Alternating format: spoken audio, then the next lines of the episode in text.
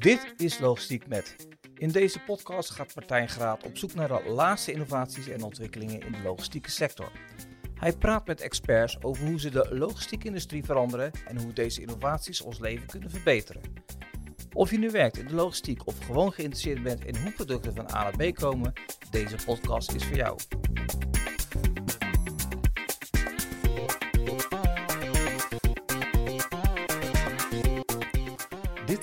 Logistiek met Johnny Nijhuis. Johnny is Zero Emission Truck Expert bij Nijenhuis Truck Solutions en medeoprichter van eTrucks Energy. Johnny en ik praten over de stand van zaken van elektrisch vrachtvervoer in Nederland. Johnny vertelt over de uitdagingen waar de sector voor staat bij de overstap naar emissieloze vrachtwagens, waar transportbedrijven op moeten letten bij zo'n overstap en wat voor technologische innovaties ons op dit vlak te wachten staan de komende jaren.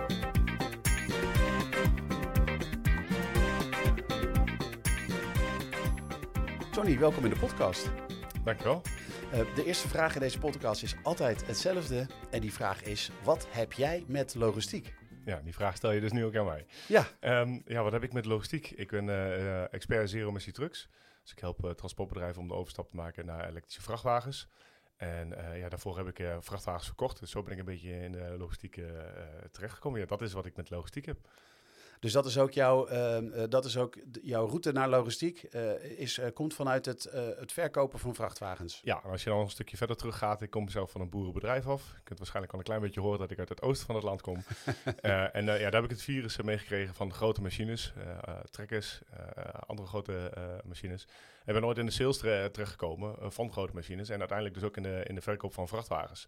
En dat is ook de aanlooproute geweest voor mij richting ja, het zijn van een expert in zero emissie trucks. Ja, en um, uh, zero-emissie trucks, um, dan, uh, dan uh, praten, we over, praten we dus niet over diesel.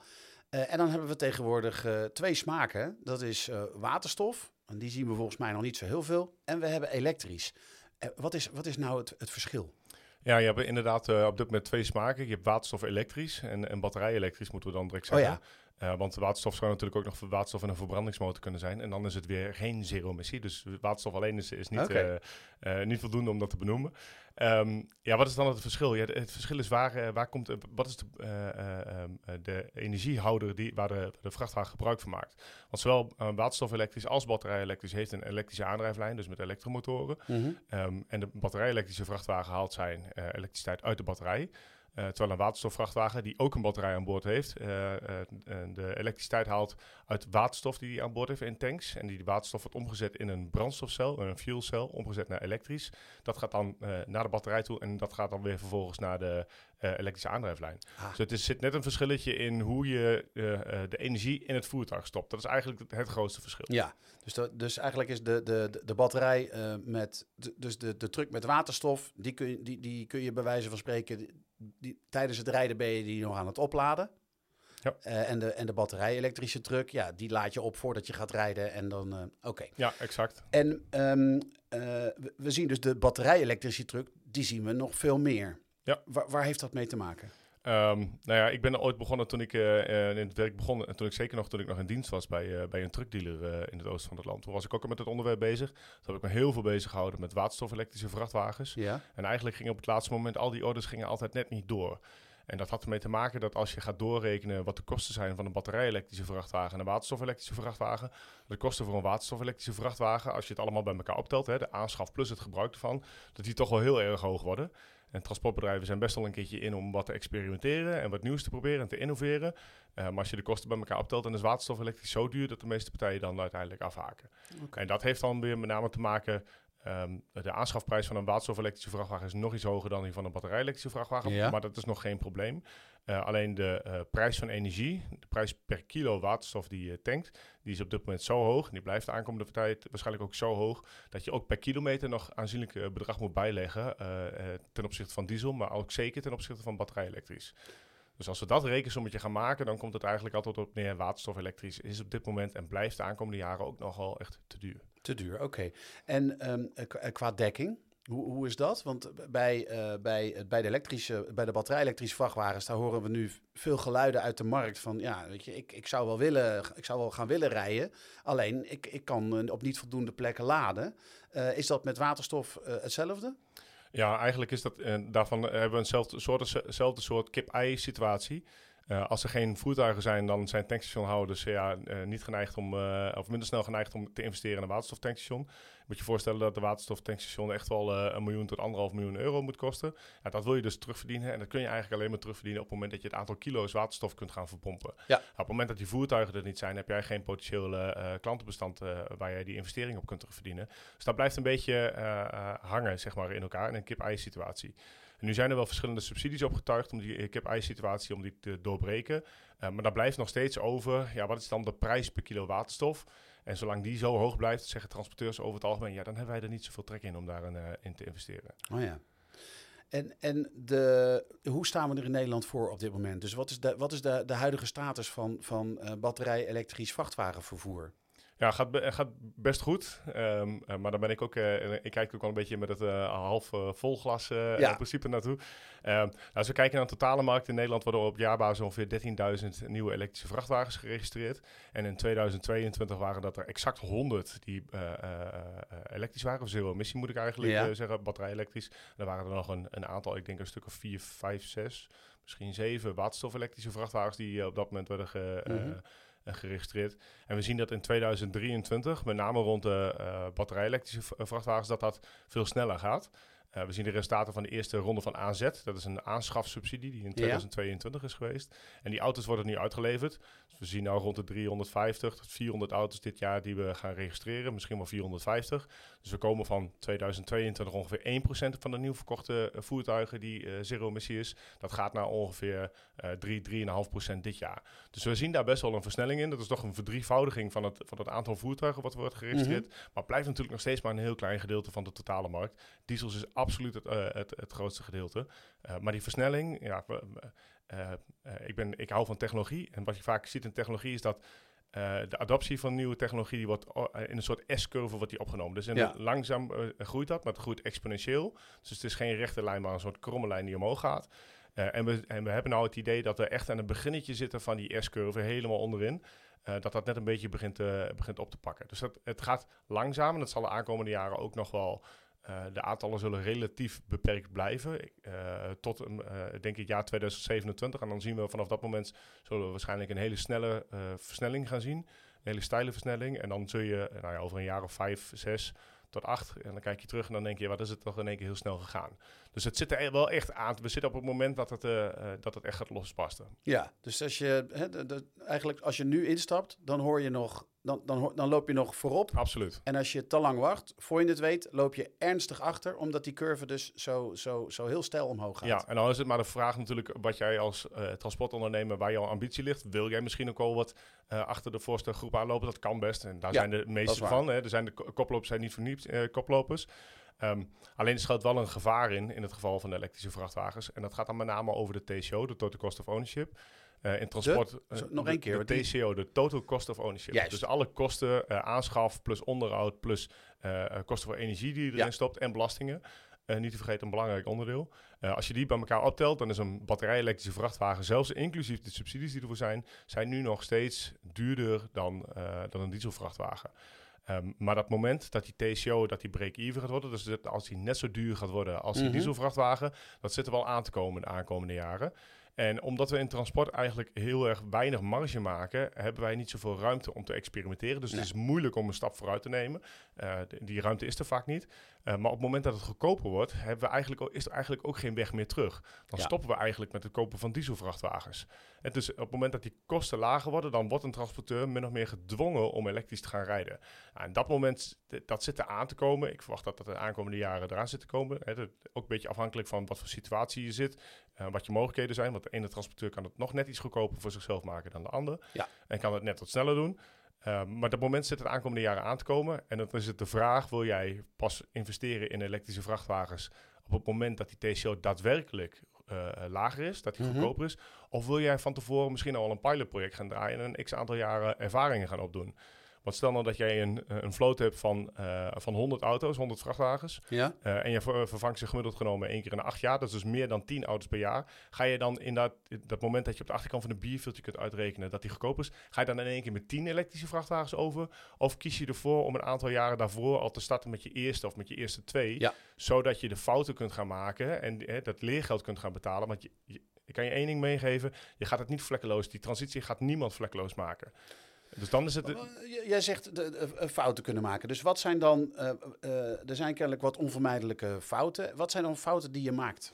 Of die um, gemaakt worden? Ja, die op, wat ik op dit moment veel zie, is dat bijvoorbeeld dat er laadinfrastructuur wordt aangeschaft die eigenlijk niet zo. Ja, dat, dat kan wel, maar op de lange termijn is dat niet goed houdbaar. Uh, dus dan wordt er vaak geïnvesteerd direct in een, in een snellader of in sommige gevallen zelfs in AC-laders, hele langzame laders, waarmee je een vrachtwagen, zeker de vrachtwagens die nu te koop zijn, die kun je in een nacht helemaal vol laden. Ja. Maar is de investering niet zo hoog van. Laten we zeggen 7 tot 8000 euro, dan heb jij een, heb jij een, een, een 40 kilowatt AC-lader heb je aan de, aan de muur hangen.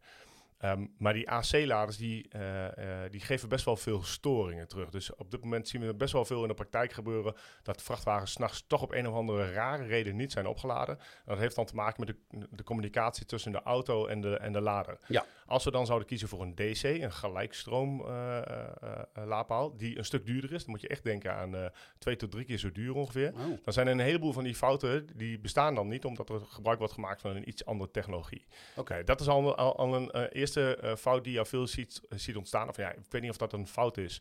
Uh, maar daar zou je tegenaan kunnen lopen. Je zou kunnen kiezen voor de goedkope optie. Uh, en dan binnen de DC-laadinfrastructuur heb je ook nog weer twee verschillende oplossingen. Dat is de laadpaal zoals je hem bij de Fastnet ziet staan. Zo'n grote uh, paal met twee van die, van, die, ja. van, die, van die stekkers eraan.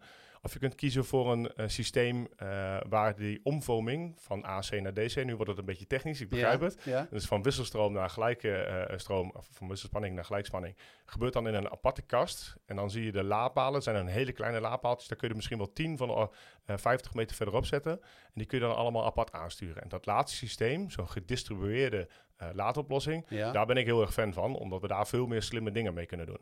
En de, dat met name is wat ik bij een aantal van mijn klanten zie, is dat zij kiezen voor uh, zo'n paal zoals bij de Fastnet, omdat ze dat gewend zijn, dat kennen ze, dat zien ze staan, dat, ja. ze denken dat zal wel goed zijn. En op het moment dat ze dat gekocht hebben en zij gaan door naar hun derde, vierde, vijfde elektrische vrachtwagen, dan komen ze erachter, oh, dit was misschien toch niet de handigste optie uh, om te nemen. Uh, dus dat is dan een beetje het leergeld wat je dan betaalt. Want dan die eerste paal die je aanschaft, ja, dat was dan net niet handig, blijkt dan achteraf. Ja. Dus en is, uh, zit er ook nog een, een uh, leertraject uh, in het gebruik van de vrachtwagens? ja, zeker wel. Um, en dan met name aan de kant van de planners en de, en de chauffeurs, die zullen echt wel moeten wennen. Um, ik denk dat er altijd een groep is met chauffeurs die heel graag wat nieuws wil proberen, die dat Mhm. heel spannend vindt. zo zal dat ook voor planners wel gelden. Maar de overgrote gedeelte, dat ja, vindt het eigenlijk wel prima wat ze nu in het doen zijn. Diesel, dat kennen ze. Um, uh, elektrisch rijden heeft ook nog wel wat beperkingen. Zeker als je kijkt naar actieradius. Ja, dat, daar moet je wel comfortabel mee zijn om hè, je, je actieradius, je, je, uh, je kilometertelletje af te zien lopen naar een paar procent aan het einde van de dag. Ja. Nou, daar heb je als chauffeur ook best wel veel invloed op met jouw, uh, met jouw rechtervoet. Hoe bedien jij die auto? Hoe snel jouw actieradius op een dag ja. daalt. Dus ja, daar, daar moet je ook mee leren omgaan. Ja, nee, ik, ik uh, uh, heb in aflevering 3 van Logistiek met, met uh, Marie-José Baartmans gesproken van, van Breitner, zero-emissie transportbedrijf hier, hier in Rotterdam. Dat was een van de dingen die zij aangaf. Dat, dat je, wat je bij elektrisch vervoer ziet, is dat, je, dat, je, dat een chauffeur een veel groter verschil kan maken als het gaat om de, om de rijkwijde van zo'n truck dan bij diesel. En dan gaat het erom dat je, dat je de, je voet van het gas haalt uh, in plaats van dat je op de rem duwt. Dat was dan een voorbeeld uh, wat ze me gaf. Uh, omdat als je je voet van het gas haalt, de, de truck als vanzelf afremt. En door dat afremmen stroom teruggeeft aan die batterij. En um, uh, dus dat, dat, vond ik al, uh, dat vond ik al interessant om dat, om dat te horen, dat dus de chauffeur zo'n grote uh, invloed kan hebben. Ja, nou, als aanvulling daarop, ik heb één klant bijvoorbeeld, die kreeg in de winter kreeg die zijn elektrische vrachtwagen geleverd. En een, een, een, batterij kan er niet zo goed tegen als die heel erg koud is. Dus er zit een functie ja. in de app van de vrachtwagen, of in de boordcomputer van de vrachtwagen, dat je die batterij van tevoren kunt opwarmen. Zodat je ja. cabine en je batterij zijn opgewarmd, terwijl die nog aan de stekker hangt. Dus dat je de stroom niet uit de accu hoeft te gebruiken, maar dat je stroom oh. uit de muur kunt halen. Ja. Nou, en dat, zie je, dat zijn de dingetjes, daar moet je even achter komen. Je moet dat eventjes, nou, een chauffeur moet dat gewoon eventjes in zijn systeem krijgen. Dat hij elke dag zegt tegen die app, ik ga morgenochtend om half zes vertrekken. Ik zorg dat die auto lekker op temperatuur is met stroom uit de stekker. Ja. En dat soort dingetjes, daar, ja, dat, dat moet je één keer vertellen. Dan gebeurt het, dan gaat het nog een keertje mis. Uh, en na een halfjaartje gaat dat goed, dan zit dat erin. Maar dat heeft een klein beetje tijd nodig, want dat zijn we met dieselvrachtwagens niet gewend. Dus dit, dit zijn de dingetjes die je wilt gaan leren van tevoren. Oké. Nou, nu nou, nou is een van de uitdagingen die jij aangaf uh, voor, uh, voor de omschakeling naar uh, batterij-elektrisch transport, of, of wat dat betreft waterstof-elektrisch transport, um, is de prijs. Dus het is relatief duurder.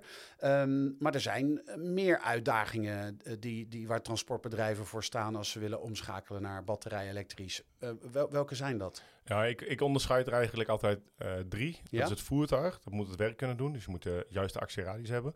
Dat is de laadinfrastructuur. je moet kunnen laden. Als er geen stroom in die auto zit, dan kun je de volgende dag niet rijden. En dan, nou, we zijn logistiek, dus we proberen van A naar B ja. spullen te vervoeren. en dan is dat kostenvoordeel.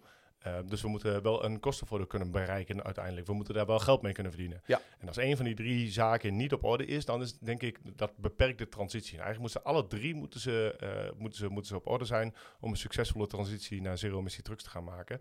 Uh, ja, voertuigen, infrastructuur en, en kostenvoordeel. Daar, daar, zitten, daar zitten drie hoofdonderwerpen uh, waar je op moet letten als transporteur. Ja, nou, nou hebben wij volgens mij in Nederland, als het gaat om de personenauto, uh, geloof ik de grootste laadpaaldichtheid van Europa, geloof ik. maar bij vrachtwagens is dat minder het geval. Klopt dat? Ja, nou ja, we kunnen natuurlijk nu onderscheid gaan maken tussen wat is dan een, de vraag stellen, wat is dan een vrachtwagenlaadpaal? Nou, ik heb daar wel ideeën over. Je wilt met een vrachtwagen vooruit kunnen komen aanrijden en ook weer vooruit kunnen wegrijden. Je moet genoeg draaicirkel hebben. Ja. Uh, de oudere fastnets bijvoorbeeld, die hebben een laag dak waar je niet onder kunt. Ja. Of, nou, je kunt de, de draai kun je niet halen. Uh, maar voor de rest, in principe kan een, uh, een, een, snellader voor een personenwagen zou in principe een vrachtwagen ook kunnen opladen. Okay. De techniek is voor de rest hetzelfde. Dus heb jij toevallig een locatie waar een, die ook goed bereikbaar is voor een vrachtwagen, zou je die ook als een vrachtwagenlaadpaal kunnen gebruiken. Um, en dan ben ik ook nog van mening uh, dat verreweg het meeste aantal vrachtwagens s ochtends vertrekt van zijn depot en s'avonds weer aankomt. Nederland hebben we het dan ongeveer over 70% van alle vrachtwagens. Die, uh, oh, okay. die, die komen s'avonds of die gaan, uh, komen s'avonds weer terug op de plek waar ze begonnen zijn. dus dat betekent dat je laadinfrastructuur op lo eigen locatie, op jouw eigen depot, dat die het allerbelangrijkste is. Ja. En dat maar voor een veel kleiner gedeelte van de vrachtwagens, dat die onderweg ook moeten laden. Dus dat, dat is minder een uitdaging, maar het is voor een groep uh, trucks is het zeker uh, uh, wel een uitdaging om, om op dit moment openbaar te kunnen laden. Oké. En als we nu eens kijken naar hè, een transportbedrijf in Nederland met een vloot dieselvrachtwagens. Nou, die wil de omschakeling gaan maken. Die denkt, verdorie, voordat die curve te stijl is, wil ik zorgen dat ik alvast mijn batterij-elektrische trucks heb rijden. Um, welke, welke stappen moet zo'n bedrijf door uh, om, om uh, de omschakeling naar elektrisch te maken? Um, ja, nou ja, dan komt weer terug op die drie componenten eigenlijk. Dat voertuig, die infrastructuur en het kostenvoordeel. Uh, als eerste wil je gaan kijken naar welk voertuig zou ik überhaupt kunnen gaan elektrificeren. En we hebben nu te maken met de uitdagingen rondom actieradius. Ja. Batterijpakketten zijn gewoon nog niet zo enorm groot voor vrachtwagenbegrippen. Waar, waar, zitten we nu ongeveer? Uh, we zitten nu uh, tussen de 5 en 600 kilowattuur aan, aan bruto batterijcapaciteit. En dan moet ik heel eerlijk zeggen, de grootste is ongeveer 624 kilowattuur. En de, de kleinere die gaan naar 525. Ja. Um, maar daar kun je zeg maar in de praktijk ergens tussen de 300 en bijna 500 kilometer actieradius kun je okay. halen.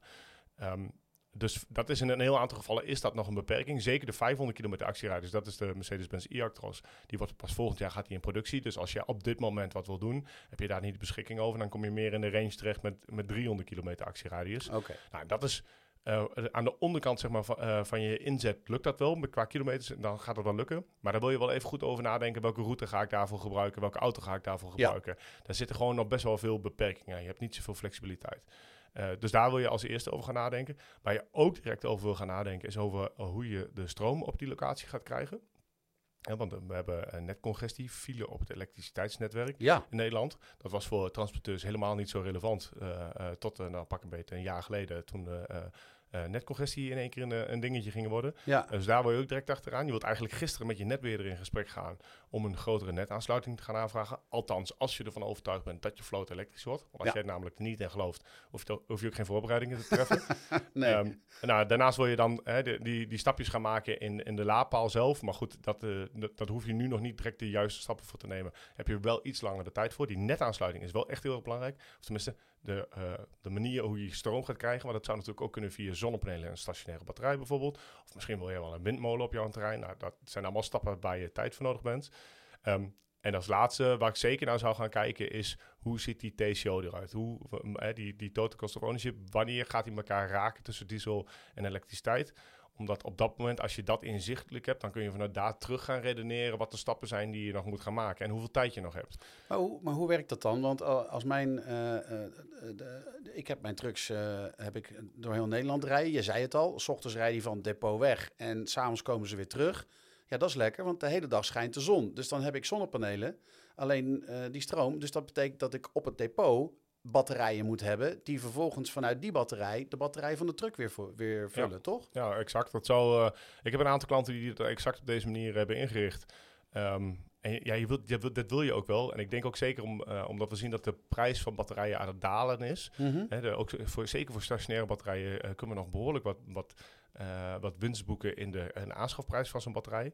Um, en als je dat gaat terugrekenen naar wat is dan de overheid, wat zijn dan de toegevoegde kosten per kilowattuur die je nodig bent om die batterij daar neer te zetten, ja. dan zie je dat uh, zonnepanelen in combinatie met een stationaire batterij op dit moment ongeveer gelijk is, iets hoger is uh, dan de kosten voor, uh, voor stroom uit het elektriciteitsnet. Ja. Maar als jij niet genoeg stroom kunt krijgen, en dat is de enige manier om stroom te krijgen, ja, dan kun je maar beter uh, iets duurdere stroom zorgen voor jezelf, ja. dan dat je helemaal geen stroom hebt. Dus daar valt zeker wel wat in, in te doen. Bovendien ben ik er echt van overtuigd dat de prijzen van die stationaire batterijen de aankomende jaren fors naar beneden gaan. En dus ook de overheid per kilowattuur die uit die batterijen uh, gaat halen, gaat ook naar beneden. Dus eigenlijk ben ik er wel van overtuigd dat elke zichzelf respecterende transporteur vroeg of laat aan de slag gaat met zonnepanelen of uh, windmolen, met opwek in ieder geval, ja. en met stationaire batterijen. En ik kan al alvast meegeven, het dak wat je hebt is te klein voor, om het aantal vrachtwagens op te laden. Dat, Oh. gaat je, dat gaat je nooit lukken. En ook de stationaire batterijen, daar ga je niet je volledige vloot mee kunnen opladen. Oké, okay. want, want uh, kun, je, kun je daar eens een, een uh, ja, Ja, ik heb- om, ik- om, een beeld, om een beeld te geven van, van ik wat heb het wel eens uitgerekend. Eh, Stel nou, dat, dan, eh, dan schets ik het ongeveer zo. Stel nou dat we een grote pot hebben en we kunnen daar allemaal eh kilowattuur in de vorm van knikkers in stoppen. Ja, Nou, nou, als je dan een heel jaar lang eh, die pot met knikkers eh, eh, vult, kun je daar ook een heel jaar lang kun je de knikkers eruit halen om je vrachtwagen op te laden. ja, Hè, dus eventjes zonder het zomer-winter effect eh, Ja, daarin eh, mee te nemen. Ehm, maar om zo'n pot volledig te vullen, ben je ongeveer 600 vierkante meter aan zonnepanelen nodig. oh, dat is fix. Om één vrachtwagen een jaar lang te kunnen laten rondrijden. En dan hebben we het ook nog maar over de vrachtwagens die je nu kunt kopen. Dus zometeen met grotere eh, batterijpakketten moet die pot groter worden. Ja, En dus, dus de 600 vierkante meter ook niet meer voldoende. Nou, in de praktijk betekent dat gewoon dat jouw dak eerder op is dan het aantal auto's wat je wil elektrificeren. Ja. Dus, eh, dus, dus dan ben je de parkeerplaats aan het overdekken of eh, eh, eens eventjes bij de buren aan het kijken of die niet toevallig Ja, meer Ik- panelen kwijt kunnen dan ze nodig Ja, hebben. als je, als je, zeker als je nagaat dat de kostprijs per kilowattuur vanaf een zonnepaneel, dus de, de, prijs die, je voor de Mhm. stroom betaalt, dus de investering gedeeld door het aantal kilowattuur wat die oplevert, Ja. die is zo laag dat het heel erg interessant is. Als je dit rechtstreeks kunt opladen met zonnepanelen, moet je het direct doen, eh, wil ik bijna zeggen. Zeker jongens die s'nachts rijden bijvoorbeeld. Ik zou heel snel aan de slag gaan met, met zonnepanelen. Maar ook met die stationaire batterij ertussen is het nog steeds een, eh, eh, een goed idee om te doen.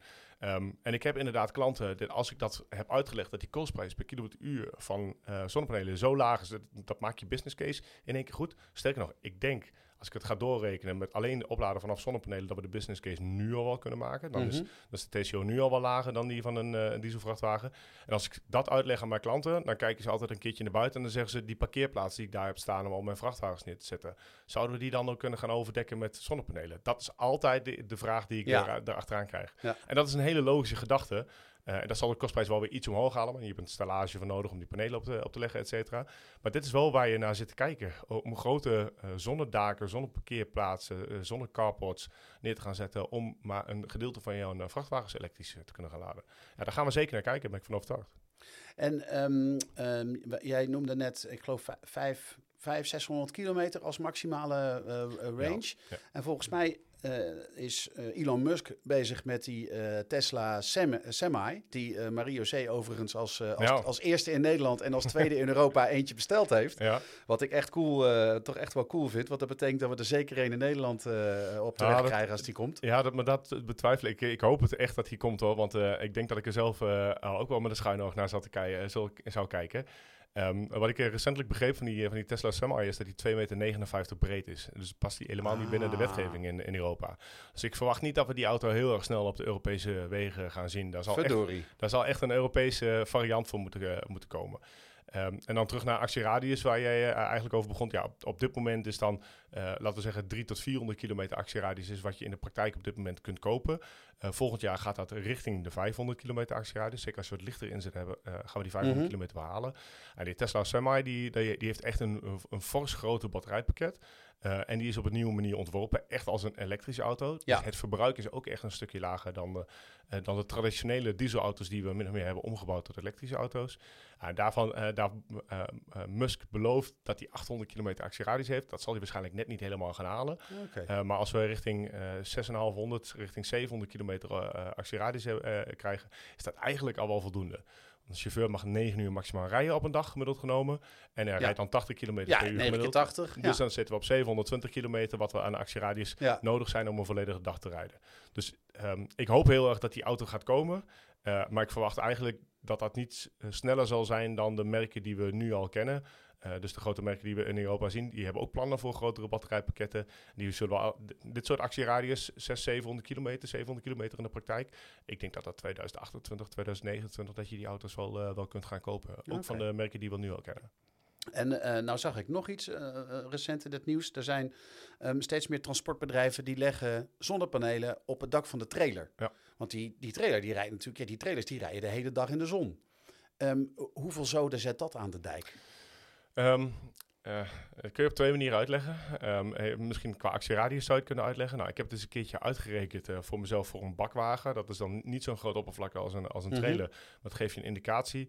En die bakwagen zal ongeveer 3000 kilometer aan eh, zonnestroom voor zichzelf opwekken. Dus die, laten we zeggen dat is 70, 80.000 kilometer op een jaarbasis dat ze rijden. Uh, en 3000 daarvan zouden ze kunnen opwekken met hun zonnepanelen op hun eigen dak. Dan hebben we het alleen over het dakoppervlakte, want je zou natuurlijk de zijkanten misschien ook nog uh, met zonnepanelen kunnen ja. volhangen. Maar goed, gaat de efficiëntie wel een stukje van naar beneden, dus dat is een beetje de vraag. trailer is iets groter, maar verbruik van die auto is iets hoger. dus ik denk ja. dat na vanaf dat het ergens in dezelfde richting zit, tussen de 3, misschien 5000 kilometer aan actieradius, uh, wat je daarmee kunt opwekken. Um, op, maar wat ik, um, ik geloof niet dat dat heel erg snel een vlucht zal gaan nemen omdat als je dit gaat terugrekenen naar de kosten die je ervoor nodig bent om dit toe te voegen, ja. uh, dan is daar maar heel slecht een business case voor te maken. Voor dieselvrachtwagens is dat nog wat makkelijker, want je spaart diesel uit. En diesel is relatief duur als je het vergelijkt ja. met, met, elektrisch. Maar zodra je daadwerkelijk elektrisch gaat rijden, gaat de prijs van elektriciteit naar beneden. Dus het terugverdienpotentieel van zo'n zonnedak wordt ja, ook direct weer kleiner. Ook, ja. En nou ja, dus, dus uh, er zijn bedrijven die dit doen. Um, uh, en ik denk dat dat ook een mooie ontwikkeling is. Uh, er is niks mis mee. Maar als we het puur gaan uitrekenen, dan zien we dat de prijs, de aanschafprijs van dat systeem, die zal echt nog een stukje verder naar beneden moeten komen voordat het daadwerkelijk interessant gaat worden. En um, wat, wat ligt er in het verschiet? Uh, dus, dus, dus als we de, in, in de komende jaren, wat zijn de, wat zijn de innovaties uh, waar, jij, ja, waar jij helemaal enthousiast van wordt? Van dat je zegt van ja, op elektrisch gebied, wat er nu aankomt, dat, daar, daar, daar gaan we echt iets, iets hebben wat, wat het verschil gaat maken. Ja, die innovatie die zien we eigenlijk. ik ben heel enthousiast over de e-axle, dus de elektrische aandrijfas. Een, een dieselvrachtwagen, daar ligt eigenlijk de dieselmotor onder de cabine. Ja. 12 traps versnellingsbak erachter, kadannas naar achteren toe. En dan hebben we de trekkas aan de achterkant die wordt aangedreven. Ja. En die hele aandrijflijn die kunnen we gaan vervangen uh, voor een elektromotor en een twee of een drie traps versnellingsbak vastgeklonken aan de trekkas. Ja. Dus je hele aandrijflijn zit alleen nog maar in die, in die achterste as als het ware. Dat zorgt ervoor dat je de ruimte uh, aan de voorkant, die komt helemaal vrij. Dus we hebben normaal gesproken een, een kadannas in het midden tussen de twee chassisbalken ja. Daar kunnen we niks mee, want daar, daar hebben we een draaiend onderdeel. Um, en al die componenten die verdwijnen allemaal. En dat zien we bijvoorbeeld bij Mercedes-Benz op dit moment al. Met een huidige bakwagens, elektrische bakwagens die ze hebben. Die hebben al zo'n e-axle. Uh, en daar, waar je, wat je daar ziet bij die auto's is dat ze ervoor gekozen hebben om die batterijen over uh, de dwarsrichting onder het chassis te hangen. Dus aan de chassisbalk te hangen. Ja. Uh, dat kan alleen maar omdat daar geen kardanas meer zit en daar geen versnellingsbak meer zit. Juist. Nou, volgend jaar komt een Mercedes-Benz, zoals net al gezegd, met die e-Actros 600. Dus ook de, de 4x2 trekkerversie daarvan. Die gaat die batterij op dezelfde manier onder het chassis hangen. En ik weet ook van de andere merken, DAF is hiermee bezig. Volvo heeft hem ook al aangekondigd. Zij gaan allemaal over naar zo'n e-axle. Dat zal ergens tussen 2024 en 2025 zullen die assen op de markt gaan komen. En dan zul je zien dat de uh, de ontwerpvrijheid van zo'n vrachtwagen, uh, dat die, dat, je krijgt veel meer ontwerpvrijheid. Want al die vrijgekomen ruimte uh, bij, tussen de chassisbalken kun je gaan benutten om onder andere batterijen neer te gaan zetten. Ja. Um, maar er is nog iets. Uh, we hebben torsiestijfheid van een chassis. Hè. Als een vrachtwagen volgeladen is en hij rijdt weg bij een stoplicht, dan zie je vaak het cabine een beetje omhoog komen. Ja, en je ziet hem ook een beetje draaien. Ja. Nou, dat heeft te maken met die uitgaande as van jouw, uh, van jouw 13 liter dieselmotor. En dat chassis, dat moet, uh, die, die torsie, die wringing, moet hij terugbrengen helemaal naar de achteras toe. Ja. Nou, die torsie zijn we zo meteen kwijt, omdat we hebben die, die aandrijflijn, die loopt niet helemaal meer tot voor. Die krachtbron zit direct achterin. Dus kunnen die chassisbalken kunnen we lichter gaan maken. Ehm, wat weer nou ja, allerlei uh, voordelen kan opleveren. En nog één stapje verder, en daar verwacht ik echt dat we dat aan het einde van dit decennium op zijn vroegst gaan zien, is dat we chassisbalken helemaal gaan doorzagen en dat de batterij onderdeel gaat worden van het chassis. Ah. En dan hebben we in één keer de volledige ruimte tussen de voor- en de, en de, en de trekkas. En de achteras hebben we beschikbaar om batterijpakketten kwijt kunnen. Ah, dan, dan kunnen we met de huidige stand der technologie rondom batterijtechniek uh, kunnen we al zulke grote batterijpakketten erin uh, stoppen dat we daar uh, 800 kilometer actieradius echt makkelijk mee gaan halen. Uh, en ja, dan, dan komen er nog veel meer uh, zaken beschikbaar. We kunnen cabines lager gaan maken, want je zit nu boven op je, uh, op je dieselmotor. Er zijn allerlei zaken, die we, allerlei slimme dingen die we dan nog kunnen aanpassen aan die auto om, ja, om, om hem echt elektrisch te maken, om daar echt een elektrische auto van dus de, de auto, dus de, de, de, de, de trucks en de cabines gaan er mogelijk ook anders uitzien dan. Ja, want absoluut. die is nu altijd nog stand. Ja, daar ben ik 100% van overtuigd. Alleen ik, ben, ik, ik moet daar wel een beetje voorzichtig mee zijn in de verwachtingen, want ik verwacht niet dat we daar de aankomende tien jaar al heel erg veel van gaan zien. Oké. Okay. Um, um, maar dat gaat zeker wel gebeuren. En zeker in combinatie met allerlei regelgeving. Uh, we zien in Londen bijvoorbeeld al uh, DVS, Direct Vision Standard. Uh, en dat het zorgt ervoor, zoals wij milieuzones hebben en zero-emissiezones, mm -hmm. hebben ze in Londen een zone waar uh, de, het directe zicht vanuit de cabine, dat die bepalend is voor of, uh, of die een gebied wel of niet in mag. Oh ja. En dat is om het aantal uh, ongevallen te voorkomen. Ja. dus je ziet bijvoorbeeld bij de nieuwe DAF, die hebben een ruit in de bijrijdersportier hebben ze zitten. Nou, waar heeft dat mee te maken? Heeft onder andere te maken met die DVS-regelgeving. Ja. En de volgende stap is, omdat we die uh, dieselmotor dus er niet meer onder hebben zitten, kunnen we die cabine verder laten zakken. En een lagere cabine, een lagere zitpositie, is een minder grote dode hoek uh, voor, je, uh, voor je cabine. En dus kun je voetgangers en, en fietsers kun je, kun je beter zien. Ook het paaltje wat net altijd in de weg zit, kun je dan beter zien. Ouch, ja. Maar ja, dat, dat gaat zeker. Dus ik verwacht eigenlijk dat dat soort regelgeving nog weer die, die drukfabrikanten gaat dwingen om te kijken naar die cabines en hoe we die gaan, hoe we die gaan indelen. Uh, uh, ja, Jordi, um, uh, ja, ja, volgens mij kunnen we nog uren oh, doorpraten ja, over dit ja, onderwerp. Ja, maar ja, ik, ik, ik ga het er toch bij laten voor nu. Hey, ja, dankjewel dat je, dat je mij, maar ook de luisteraars hebt bijgepraat over waar we staan met, met elektrisch vrachtvervoer. en je hebt zo wat handvaten gegeven om, om de eerste stappen te maken. Um, en uh, ik ben erg benieuwd naar de, de nieuwe elektrische vrachtwagens. En een klein beetje teleurgesteld uh, dat jij zegt dat die Tesla misschien niet komt. Want ik had me echt verheugd uh, op, een, op een ritje in een Tesla Semi. Maar dan moet ik misschien de oceaan veroveren dan. Ja, ja, dat is misschien dan de enige optie. Ik had het zelf ook heel erg graag gewild, maar helaas, ik zie het voorlopig nog niet gebeuren. Nou, dankjewel. Goed zo.